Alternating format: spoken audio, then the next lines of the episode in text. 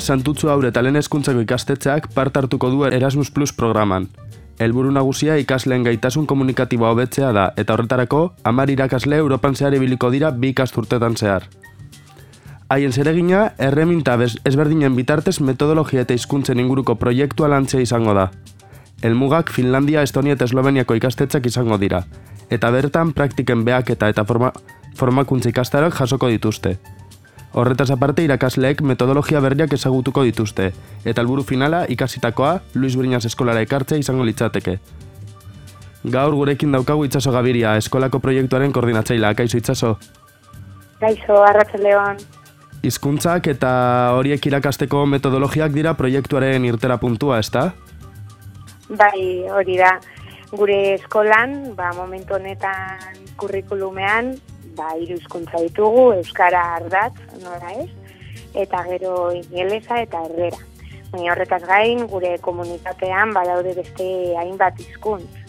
Orduan, ba, kurrikulumean dauden hizkuntzak ba, behar bezala lantzeko metodologia ezberdinak, aztertzen ari Eta, bueno, gure helburuetako bat, da e, Europan zehar ditugun metodologia horiek, e, gure eskolan, lizbrin esan e, eskolan, zertatzea eta praktikan jartzea. Esan dugun moduan, helburua ikasleak gaitasun komunikatiboa hobetzea da, baina horretarako amar irakasle joango dira Europatik aurkeztutako programan aipatu dira erronka komunak, zeintzu dira erronka horiek? Ba, bueno, lehenengo tarin, ba, komentatu duguna. Ezta, e, Euskara bultzatzea, eta Euskara bultzatzeko aukeratu ditugun, aukeratu ditugun e, ikastetzeak, beti badituzte hiru hizkuntzko ba biko ofizial normalean eta gero atzerriko hizkuntza bat. Orduan, ba bueno, parekotasun hori topatu dugu atzerriko ikastetxeetan eta ikusi nahi dugu haiek zelan bultatzen da den, ba mm, era ez hainbeste erabiltzen ez duten hizkuntz hori zelan bultzatzen duten gure kasuan, bueno, Bilbo e, naiz eta gero eta euskaldunagoa izan, e, ba, oraindik e, bera da nagusi, orduan, ba, bueno, e, gure eskolan euskara sustatzeko asmoarekin, ba, hori da gure erronka potoloena. Eta gero ere, aldi berean, ingelesa, ingeleseko irakasleak joango dira, et, e, baita ere, eta, bueno, ba, haiek gaitasun komunikatiboan arituko dira, zelan hori ba, bulkatzen den Europa mailan, e, Finlandiako ikastetxeetan, ika, Estoniako ikastetxeetan, orduan hori da gure erronka potoloena. Batez ere hori gaitasun komunikatiboa euskara eta ingelesaren arloan erabil, era, eguneroko erabileran bai hausko zenean zein idatzizko adierazmenean. Elburua orduan izango litzateke metodologiak ikastea euskera euskeraren alorrean aplikatzeko ez da? Bai, hori da, hori da, hori da gure helburu potoloena. Euskararekin batera, ba, esan dudan bezala ingelesa ere, bai, azkenean hizkuntzak, e, hizkuntzen metodologia, ba, parekoa izan daiteke edo zein hizkuntza, no izan daiteke e, ingelesa edo ba, gure kasuan estoniera, oi, estoniera joango garilako, eta estonian ere rusiera hitz egiten dute, orduan ba, bueno, ba, hor topatu ditugu parekotasun batzuk eta beste ikastetxeekin eta joango gara ikustera, ba, haiek zelan egiten duten eta zer atera aldugu e, beti ere gu ikastetxean, ba, ba, praktikan jartzeko. Azkenean gu berogeita ama bostiruro irakasle gara, o eta amar bidaiatuko dugu atzerrira, orduan ba, e, gero formakuntza saioak prestatuko ditugu hemen, e, praktika honen formakuntzak metodologiaren inguruan, eta asmoa da gero ba, ikastetxean praktikan jartzen. Aipatu, aipatutako gaitasun komunikatiboa hobetzeko programan Job Shadowingak egingo direla bederatzi bidai ezberdinetan aipatzen da. Zertan datza bai. estrategia hori? Ba, Job Shadowing estrategia em, Bueno, horren helburua da, e, bertako ikastetxeetara joatea, lehenengo gunean, ba, bueno, apurtzu bat ikastetxearen funtzionamendu orokorra ezagutzea, Eta gero, e, itzak esaten duen bezala, job da lana, shadow da itzala, ezta? Orduan, ba, gu bihurtuko gara, bertako irakasleen itzala, ezta?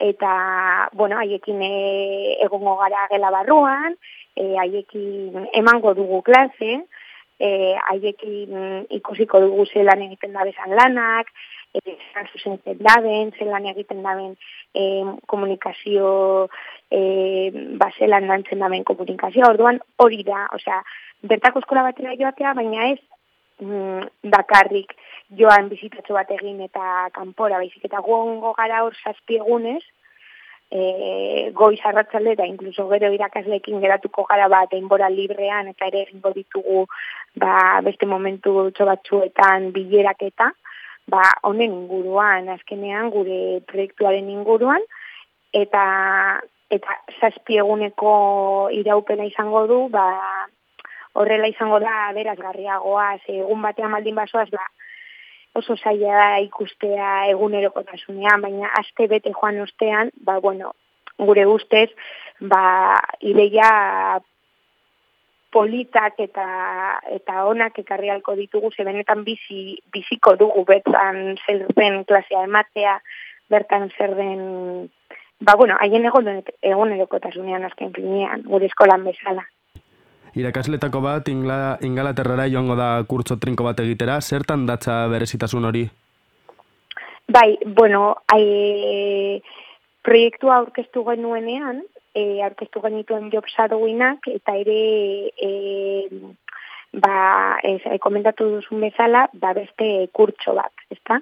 Eta hau erresuma batuan egingo dugu, e, batez ere ba hor ingelese ingelesa delako nagusi eta bueno gure irakaslegoa ingelese oso ondo moldatzen denez, ba, bueno, aukeratu genuen erresuma batua, eta zergatik bera izitasun hori, ze e, job shadowinetan egingo duguna izango da gehiago praktika, eta e, eta mm, ikastan honetan gehiago landuko dugu teoria, e, metodologia ezberdinak eta gero metodologia horiek landuko ditugunak gero ere joango gara bizita txikitzoak egitera e, eskola ezberdin batzuetara. Orduan, ba, bueno, alde batetik oinarri teoriko bat ere izateko gure proiektua.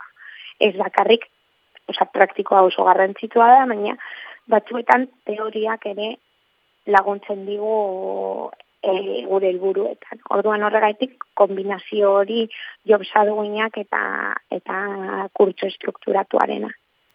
Eta aurrekusi da nola sarriko den ikasitakoa Luis Brinasen edo oso goiz da horri buruz hitz egiteko? Bueno, bai hasi gara plangintzarekin, E, bueno, lehenengo tamen nahi duguna da, ba, bertara goazenean, e,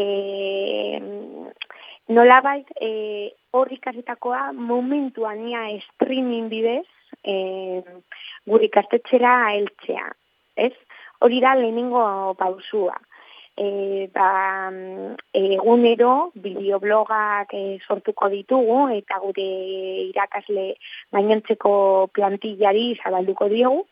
Nola bait, guztiok izateko konexio hori goazen herrialdearekin. Eta gero, e, formakuntza saioak antolatuko ditugu, behin etorrita, formakuntza saio bat prestatuko dugu, ba, gure, gure ikaslegoarekin. Eta gero, kur, e, behin ja e, formakuntza saio guztiak egin data gero, ba, hor ja baloratuko dugu zer, zer gauza, joango garen txertatzen gure, gure metodologian. Azkenean, ba, e, guri kastetxak baditu e, hildo metodologiko batzuk, eta hildo metodologiko horien barruan, ba, joango gara, zertatzen, ba, ikasitakoa. Bukatzeko, Oduan, ba, lehenengo planteamendu bai daukagula oso argi, baina gero azkenean, ba, depende zer ikasten moldatuko dugu bigarren partea. Ados, bukatzeko itzazo ze profil daukate parte hartuko duten irakasleek, baldintzak ba aldaude programan parte hartzeko? Ba, bueno, lehenengo tamen, e, aurrekurtean, e, egon, egon zen talde inamizatzaile bat, proiektu hau aurrera eramateko, ordan talde inamizatzailean izan eman zuten guztiek, aukera izan, izan dute, ba, bidaietzeko aurten. Eta gero aurten, irakasle berriak ere etorri dituzte, etorri dira balkarre, barkatu, e, beste irakasle batzuk etorri dira, eta haiek ere, haiei ere, aukera manzai joateko.